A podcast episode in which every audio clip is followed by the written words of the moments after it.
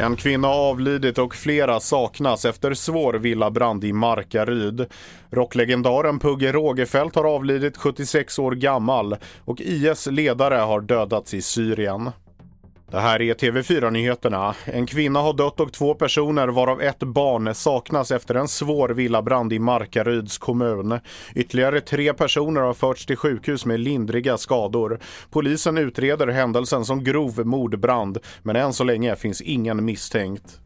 Artisten, låtskrivaren och musikern Torbjörn Pugge Rogefeldt har avlidit 76 år gammal.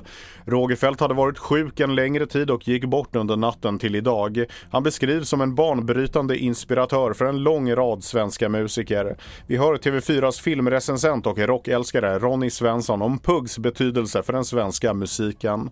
Ja, som jag säger, det är rock och pop på svenska. Det var han först med på ett sätt, på ett sånt lyriskt sätt och hans vän Ola Manell som inte heller är med oss längre och, och Lukas Persson, de åkte ut på en väldigt fin turné och det är ju ett legendariskt livealbum som alla ungdomar hade hemma i skivbacken. Ett steg till hette den skivan.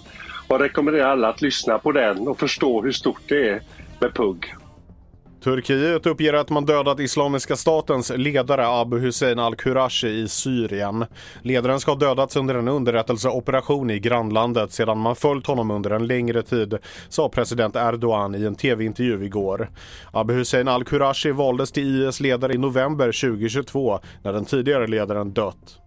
Riksdagsledamoten Elsa Widding lämnar Sverigedemokraterna men stannar kvar i riksdagen som politisk vilde.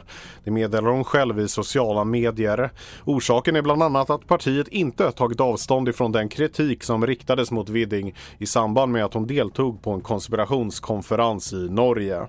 Mitt namn är Felix Bovendal och mer nyheter hittar du på tv4.se och i appen.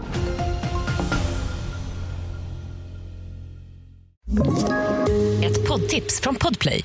I podden Något Kaiko garanterar östgötarna Brutti och jag, Davva, dig en stor dos skratt.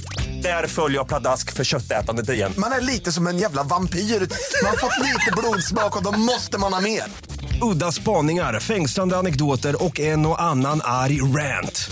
Jag måste ha mitt kaffe på morgonen för annars är jag ingen trevlig människa. Då är du ingen trevlig människa, punkt. Något Kaiko, hör du på Podplay. Därför är gardinerna.